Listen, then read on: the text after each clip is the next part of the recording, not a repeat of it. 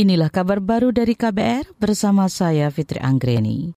Ketua Umum PSSI Erick Thohir berencana merekrut tokoh publik untuk masuk dalam satuan tugas Satgas Anti Mafia Bola.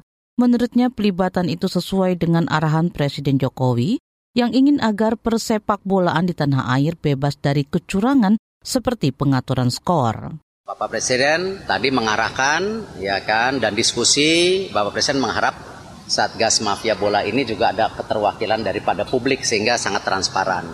Jadi insya Allah nanti saya akan segera rapat dan nanti sore jam 2.30 jam 3 kita akan ngumumin siapa saja dari uh, tokoh publik yang bisa membantu percepatan dari pemberantasan daripada permainan bola negatif.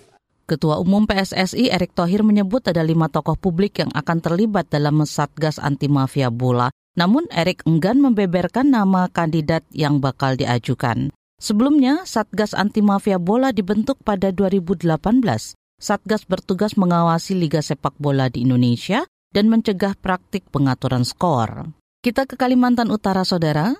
Polisi mengungkap kasus penyelundupan ribuan pakaian bekas impor ilegal yang disimpan dalam 17 kontainer di Pelabuhan Malundung, Tarakan. Kasus itu terungkap ketika petugas bea cukai melakukan pemeriksaan di pelabuhan. Berikut pernyataan Kapolda Kalimantan Utara, Daniel Aditya Jaya dan kemudian setelah dikembangkan berdasarkan penyelidikan dan keterangan para saksi bahwa balapres sebanyak 17 kontainer tersebut adalah milik tersangka inisial H dan berasal dari Malaysia yang dibawa masuk ke Indonesia dengan cara dibawa dari Malaysia menuju perairan Sungai Nyamuk dengan menggunakan kapal Jungkong dan dipindahkan ke speedboat Celebes Jaya di atas perairan Indonesia yang kemudian dibawa menuju pelabuhan perikanan Kota Tarakan untuk disimpan di gudang milik saudara H.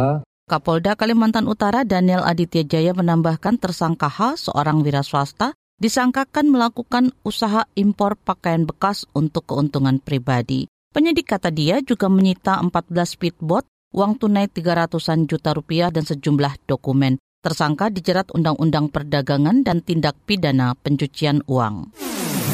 Kabar Pemilu Kabar Pemilu KPU Banyuwangi Jawa Timur meminta seluruh parpol peserta pemilu 2024 memastikan keterpenuhan kuota bakal calon legislatif perempuan. Ini untuk mengantisipasi pemberlakuan putusan MA tentang keterwakilan 30 persen perempuan. Hal itu disampaikan anggota KPU Banyuwangi Ari Mustafa.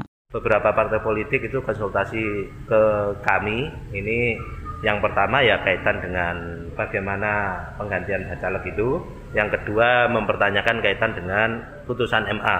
Putusan MA yang memutuskan 30% keterwakilan kota perempuan itu. Kalau komplain ke KPU Kabupaten kayaknya enggak cuman ya mereka ya tanda kutip ya agak menggerutu lah tapi tidak dalam rangka komplain karena teman-teman partai politik juga.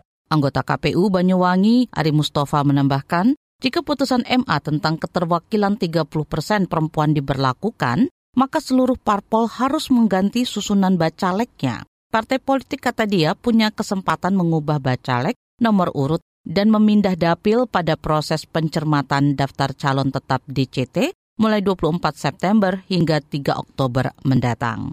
Demikian saudara kabar baru dari KBR, saya Fitri Anggreni, salam.